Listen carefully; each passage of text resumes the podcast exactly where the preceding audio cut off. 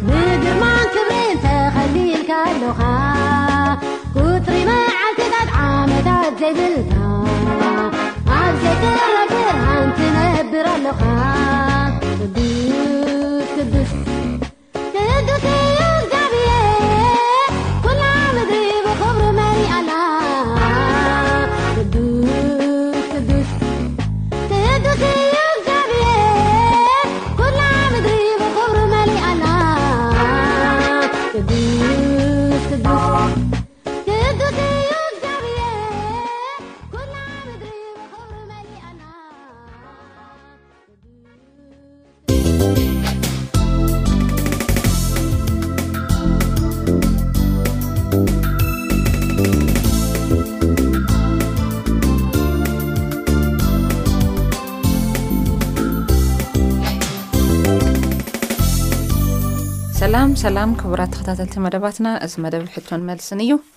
ኣብ ዝሓለፈ ጀሚርናዩ ዝነበርና ቀዳማይ ሳሙኤል ምዕራፍ ዕስራን ሸሞንተን ምስ ሓወይ ኣማን መቐጸልቲ ሒዝናልኩም ክንቐርብ ኢና። ምሳና ንኽትጸንሑ ብትሕትና ንሓትት። ኣብ ዝሓለፈ መደብ ከም ዝረእናዮ ብዛዕባ እዚ ናይ ቀዳማይ ሳሙኤል ምዕራፍ ዕስራን ሸሞንተን እዩ። ቅድሚ መደባትና ምጅማርና ግን ምስ ሓወይ ኣማን ክንጽሊ ኢና። ንጸሊ። ኣብ ሰማያት ትነብር ቅዱስ እግዚኣብሔር ኣምላኽና ነመስግነካ ኣለና። ሕጂ ድማ ቃልካ ኣብ ነጽንዓሉ እዋን ንስኻ ምሳና ክትከውን ከተምህረና ክትመርሓና ንለምን። ዝተረፈ ግዜናን ሰዓትናን ባርኮ። ብጐይታና መድሓና የሱስ ክርስቶስ ስም ኣሜን። ኣሜን። ሕጂ ናብቲ መደባትና ክንኣቱ ኢና። ኣብ ዝሓለፈ እዋን ንምዝኽኻር ዝኣክል ግን ቀዳማይ ሳሚኤል ምዕራፍ ዕስራን ሸሞንተን ንፍቐድ። ካብቲ ምዕራፍ ገንጺሉ እንዳንበበልና እንዳዘንተወልና ዝጸንሐ ሓውና ኣማን፣ ሳኦል መን ኢዩ? እታ ጠንቋሊትከ መን ኢያ? ሳኦል ንምንታይ ናብኣ ከይዱ? ጠንቆልትይ ሙታን ከተንስኡ ይኽእሉዶ? ዝብል ዛንታታት ሓደ ሓደ ጽቡቕ ዝኾኑ ሓሳባት እንዳሃበ ነይሩ። ኣነ ክስታውሰልኩም ሳኦል ቢንያማዊ ነገድ ኢዩ። ቢንያማዊ ነገድ ክኸውን ከሎ ከኣኒ ናይ ኣቦታቱ ዓሌት በተለይ ኣቡኡ ጀግና፣ ተባዕ፣ ጎወዝ ከም ዝነበረ ሳኦል ግን ልክዕ ከም ኣቡኡ ኣይኮነን እንዶም ብግልባጡ ከም ደኾነ ይገልጽ ፈራሕ ፈርሕ ከሎ ከኣ ናብ ጠንኮልቲ እምበር ናብ እግዚኣብሔር ኣይኮነን ድሃድም ነይሩ እና ከምዚ ዓይነት መንፈስ ዝነበሮ ሰብ ከም ዝነበረ እታ ጠንቋሊት ከኣኒ ቀደም እስራኤላውያን ካብ ኣርባዓ ዓመት መወዳእታ መዛዘመ ነታ ከተማ ክወርስዋ ናብቲ ከተማ ክእትዎም ከሎ ኣብኡ ዝነበሩ ዝነበሩ ዓሌት ኣብኡ ዘለዉ ዘረጥፍእዎም ኢልዎም እግዚኣብሔር ኣጥፍእዎም ክሎ ከሎ ግን ኣየጥፍዎም ነቕርዮሞም ሕጂ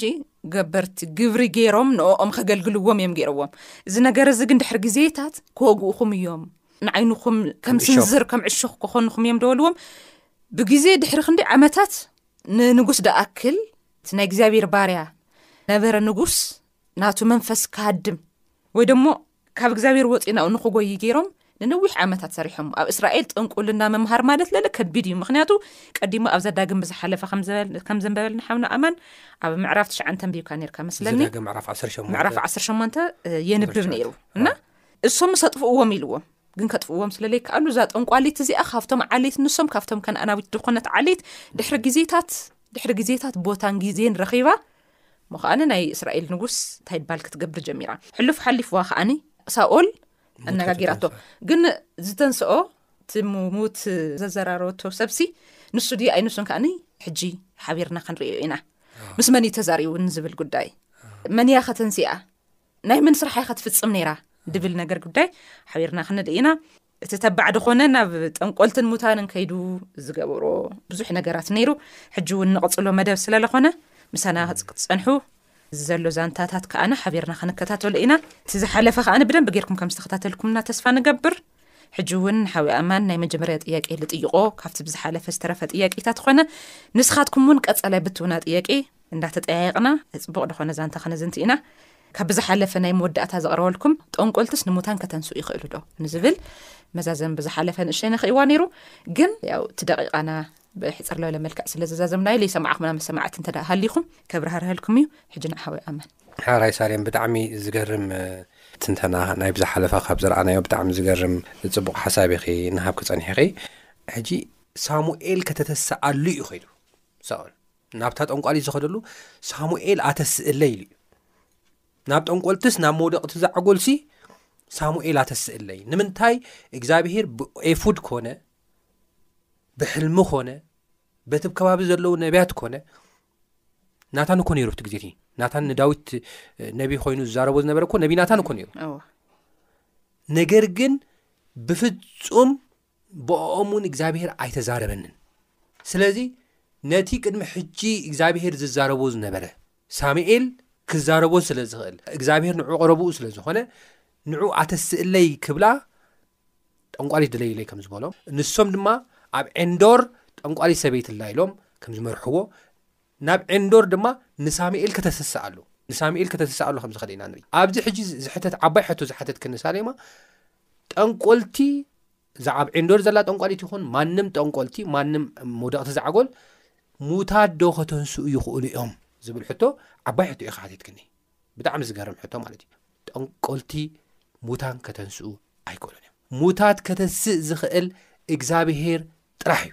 መጽሓፍ ቅዱስ ዝተፈላለየ መረጋገጺታት ኣለና ምስ ሰዓትና ግን ብዙሕ ክንርኢ ስለ ዝኾነ ክንድህስስ ስለ ዝኾነ ዮሃንስ ወንጌል ምዕራፍ 11 ፍቕዲ 25 ዘሎ ሓሳብ ከንብብ ከምዚ ይንበብ ዮሃንስ ወንጌል ምዕራፍ 11 ፍቕዲ 25 እዛ ጥቕሲ እዚኣ ጥራሕ ከንብብ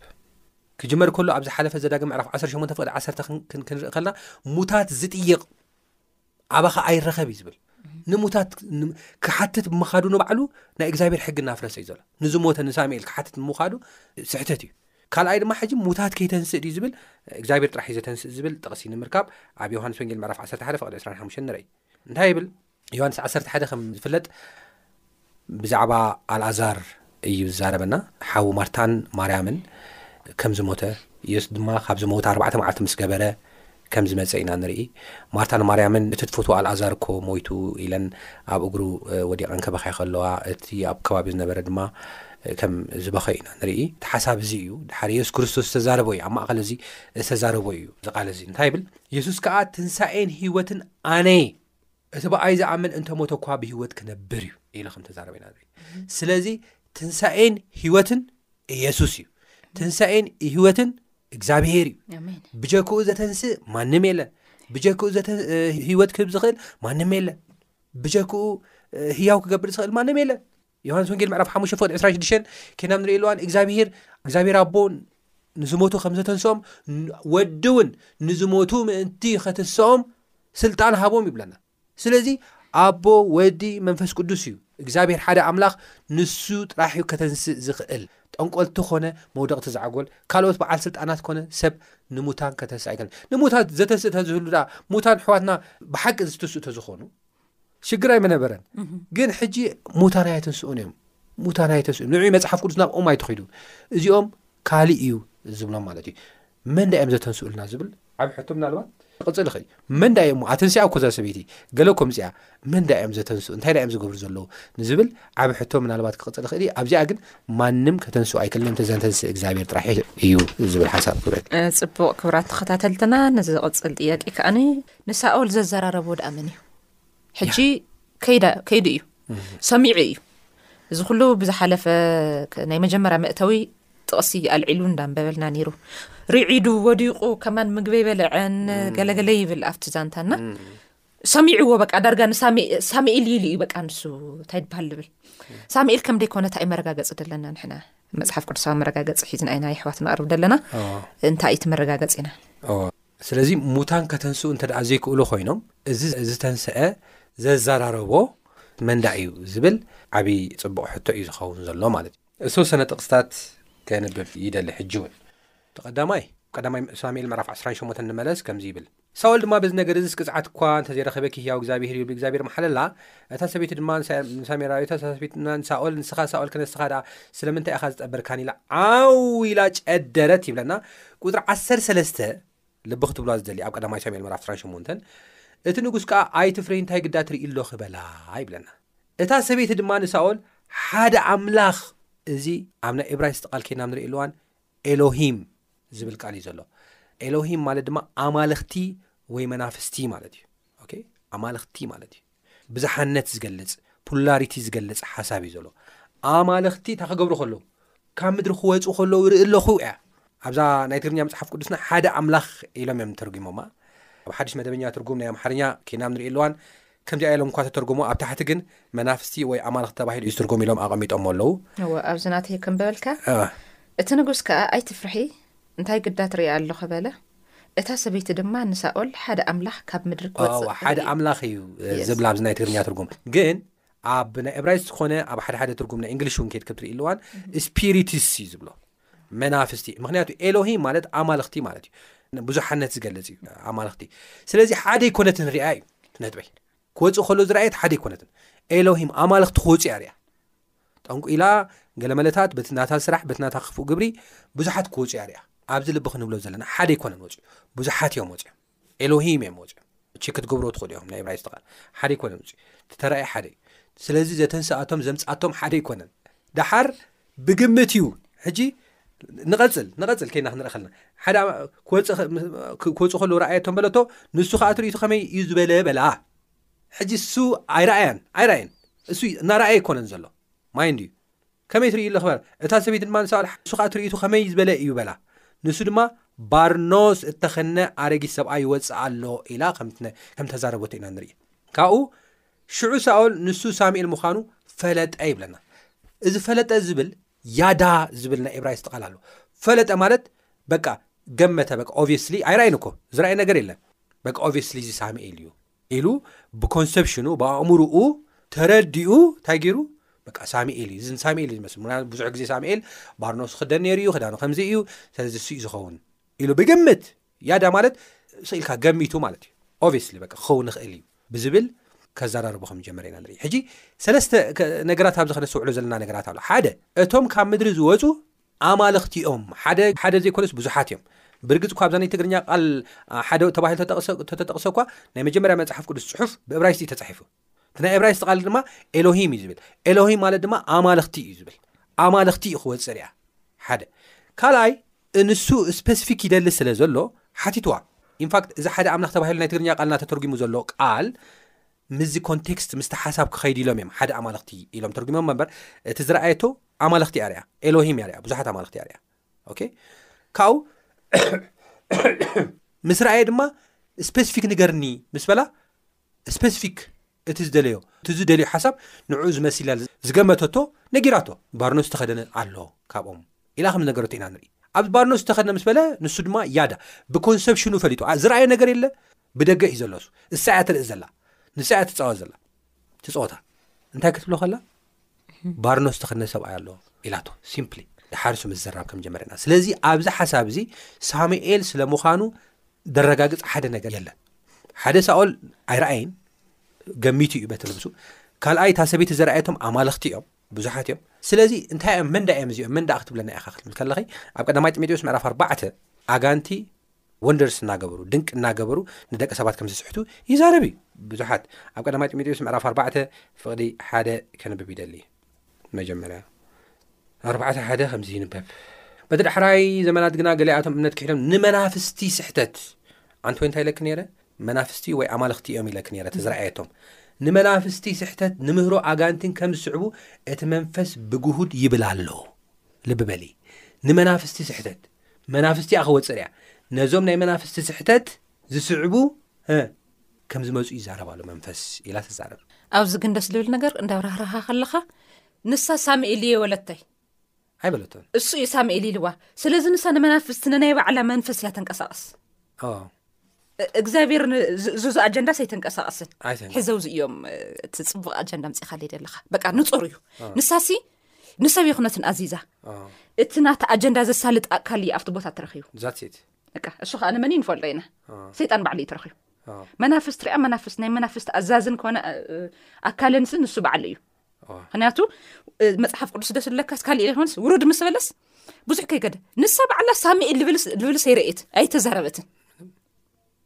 ርኢና ከይብሉ በዓሉ እዩ ገሚቱ ካብኡ ኣበይ ግን ገይርዎ እኒኦ ተዘራርባ ግን ኣብይ ፋሉል ፈጢሩ ከምዚ ባርኖስ ዝተኸደነ ክብል ከላ ይኽእል እዩ ኣጀንዳ ምቕያር ኮ ይኽእል እዩ ሰይጣን ካሊእ ነገር ምግባር ዝኽእል እዩ እዚ ትደፋሮ ዚ ኣብ ሰማይ ዝዓመፀሲ ክዳን ትኸዲንካ እንታይ ድበሃል ምግባር ማለት ቀሊል ኢሉ እና ትደስ ዝብል ግን ንሳ ንታይ ድበሃል ክተተንሳ ይትኽእል ኣውዚኡ እቲ ናትንዓወት እና ደስ ብዝብል ሓሳብ ኢካ ኣቅሪብካዮ ስለዚ ስለዚ ኣብዚ ሓሳብ እዚ ከይና ክንሪኦ ከለና እቶም መናፍስቲ ኦም እዞም መናፍስቲ ከዓ ክፉኣት መናፍስቲ ርኩሳን መናፍስቲ ኦም ዘዛርብዎ ንሳውል እምበር ሳሙኤል ባዕሉ ኣይነበረን ቀዳማይ ነገር ሳሙኤል ኣብ ቀዳማይ ምዕራፍ ኣብ ቀዳማይ ሳሙኤል ምዕራፍ 15 ፍቅሪ 23 ኮ ከይና ክንርኢ ከለና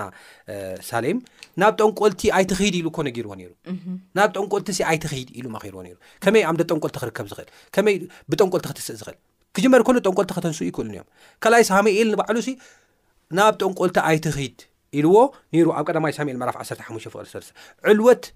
ናብ ጠንቆልቲ ከም ምኻዲ ኢሉ ተዛሪቦ ነይሩ ኣነ እዛ ጥቕስ እዚኣ ተዘንብበልክ ደስ ይብለኒ ንኣማሌቋያን ኣጥፍኣ እዮም ዝተባህለ ከየጥፍአ ክተርፍ ከሎ ሓደሓደ ማል ከተርፍ ከሎ ዝተዛረቦ እዩ ቀዳማይ ሳሙኤል መራፍ 15 ፍቅዲ 23 ዝዛረቦ ከምዚ ድማ ይንበብ ነንብቦ ዕልወት ሓጢኣት ጥንቁልና እዩ ኢልዎ ነሩ ዕልወት ሓጢኣት ጥንቁልና እዩ ስለዚ ናብ ጠንቆልቲ ኣይትኸይድ እዩ ዝብሎ ዘሎ ብዚ ነገር እዚ ህልኽ ከዓ ምምላኽ ጣዖትን ተራፊምን እዩ ኢልዎ ነሩ ስለዚ ናብ ጥንቁልና ኣይትኸይድ ዝበሎ ኣምዳ ጥንቁልና ካብዳ ጥንቁልና ተንስኡ ዝከዘራርቦ መፅሓፍ ቅዱሳዊ ሓሳብ ዝጋጮ እዩ እዚ ስለዚ እታ ሰበይቲ ዘተንስኣቶ ብርግፅ ርኹሳን መናፍስቲ ከም ዝኾኑ ኣጋንቲ ከም ዝኾኑ ኣጋንቲ ከም ዘዛረብዎ ኢና ንርኢ ምናልባት ኣገዳሲ እተኮይኑ ጥቕስታት ክንጠቅስ ኢና ምናልባት ኣብ ዝቕፅል ምናልባት ኣብ ሓሳባትና ብ ከይዲ ክንጠቅስ ኢና ንግዜኡ ግን እዚ ሓሳብ እዚኣ ክበክ ይደሊ እወ ፅቡቕ ክብራት ሰማዕትና ከምትደወሎ እዩ እስከ ናብ ቐፃላይ ነጥብ ክንኣቱ ከዓኒ እግዚኣብሔር ከም ማእኸላይ ገይሩ ጠንቆልቲ ይጥቀም ዶ እዙስ ኣተንስኡለይ እዙስ እዙስ ከድኩምስ ከም ዝገበሩለይ ኩሎምስ ይኽእል ዶ ስራሕ ዶ ኣለዎ ምስኦም ዕዮ ዶ ኣለዎ ምስኦም ያ ብጣዕሚ ዝገርም እዩ ፅቡቅ ሕቶ ኢካ ሕትክና ሕጂ ማእኸሎት ገይሩ ክጥቀመሎ ምክእል ዶ ሕጂ እዚ ሓሳብ እዚ ብዙሓት ከምዚ ኢሎም ዝርድእዎ ኣለዉ ግን ብርግዝ ዶ እግዚኣብሄር ጠንቆልትስ ክዛረቦም ዶ ይኽእል እዩ ብኦምሲ ከም ሚድየም ገይሩ ማእኸላዋይ ኮይኑ ተጠቂሙስ ክዛረብ ዶ ይኽእል ልክዕ ብነብያት ከም ዝዛረብ ንዝብል ሕቶ ክዛረብ ኣይክልን እዩ ክዛረብ ኣይክልን እዩ እግዚኣብሄር ክዛረብ ኣይክልን እዩ ክጅመር ከሎ ኣጥፋኣዮም ዝበሎ ናብ ጠንቆልትን ናብ መውደቂ ዛዕጎልን ኣይትኺድ ብኣሞይ ኣብ ዝሓለፈ ናይ መደብና ኣብ ዘዳጊ ምዕራፍ 1ተ8 ቢበ ነይረ ኣይትኺዱ ናብ ዝብል ቃልሲ እንታይ ማለት እዩ እዚ ሓሳብ እዚ ደጊመ ከንብባ ኣብ ዝሓለፈውን ኣንቢብያ ነረ ሕጂ እውን ከንብባ በቲ ዝበልክዎ መሰረት ማለት እዩ ናብታ እግዚኣብሔር ኣምላካ ዝበካ ምድሪ ምስ ኣቶኻ ከም ፅያፍቶም ህዝብታት እቲኦም ክትገብር ኣይትመሃር ወዱ ወይ ጓሉ ብሓዊ ዝሕልፍ ወይ መውደቂ ዛዕጎል ወይ ብተመና ብተመን ዝፈልጥ ወይ ኣስማተኛ ወይ ተራጋሚ መናፍስቲ ዝጥይቕ ማይ እንድዩ እዛ ኣብ ዕንዶር ዝነበረት ጠንቋሊት መናፍስቲ ኣተሲኣትሉ መናፍስቲ ክጥይቕ እዩ ከይዱ እዚኦም መናፍስቲ እዮም ሳሙኤል ኣይኮነን መናፍስቲ እዮም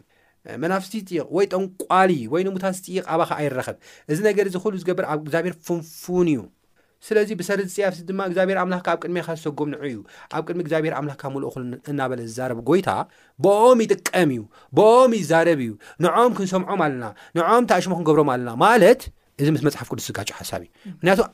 ኣባኻ ኣይረኸብ እዩ ዝብሎ ዘሎ ብኦም እንተዝጥቀም ዳኣ ይረኸብ ጸገም ይብሉ ኣነ እውን ብኦም ክጥቀም ይኽእል ኮ እዩ ክብል ነይሩ እግዚኣብሔር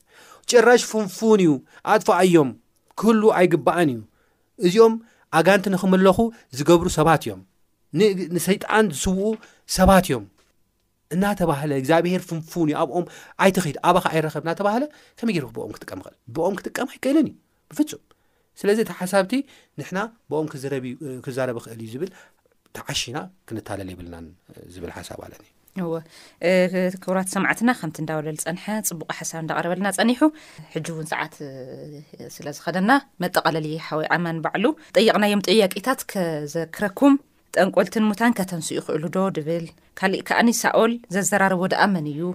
ሳልሳይ ከኣ ንእግዚኣብሔር ከብ ማእኸላይ ገይሩ ጠንቈልቲ ክጥቀመሎም ወይ ድማ ኣጋንንትሲ ከም ማእኸላይ ገይሩ ክጥቀመሎም ይኽእልዶ ከይድኩምስ እዝገበሩለይ ዘውፅሑለይ ክብሎም ይኽእልዶ ልብል ፅቡቕ ዝኾነ ሓሳብ እንዳካፈለና ፀኒሑ ናይ መወዳእታ ትብሉ ሓሳብ እንተ ደኣ ሃሊካ ከኣኒ ጠቕለል ኣቢልካ ንክብራት ሰማዕትና ስለዚ ሓደን ሓደን እዩ ናይ መወዳእታ ሓሳበይ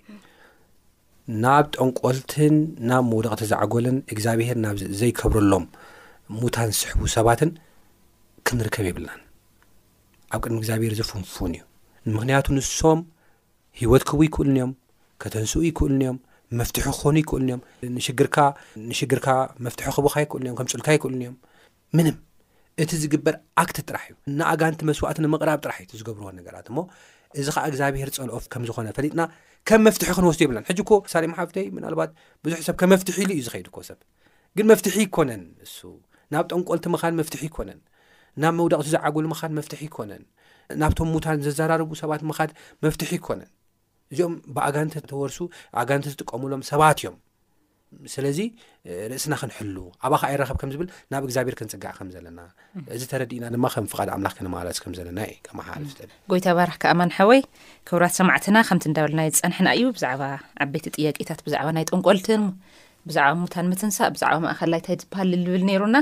እዚ መደባት እዚ ከም ዝተምሃርኩምሉን ዝተባራኽኩምሉን ተስፋ ንገብር ኣብ ዝቕፅል መደብ እስካብ ንራኸብ ፀጋ ኣምላኽ ምስ ኩላትና ይኹን ጥያቄን ሓሳብን ዝተፈላለዩ ሓሳባት ብዝህልየኩም መደብ ስልኪ ቁፅሪ ባዶ ትሽዓተ ዓሰርተ ዓሰርተ ኣርባዕተ ሓምሳን ሓደን ባዶ ሓሙሽተ ፖስታ ቁፅሪ ከዓነ ሚእትን ኣርባዕን ሓሙሽተን ክትዳሃዩና ተስፋ ንገብር ብክብሪ ንሓትት ንዝመፅእ እስካብ ንራኸብ ፀጋ ኣምላኽ ምስ ኩላትና ይኹን ተባረኹ ንፀሊ ነመስግነካ ጥዑም ዝኾነ ማንም ክህበና ደይኽእል እንጀራ ስለ ድሃብካና ነመስግነካ ካብቲ ዘይውዳእ እንጀራ ተቋደስቲ ስለ ልግበርካና ከዓ ነመስገነካ ኣይትፍለይና ብሓደ ወድካ ብየሱስ ስም ኣሜን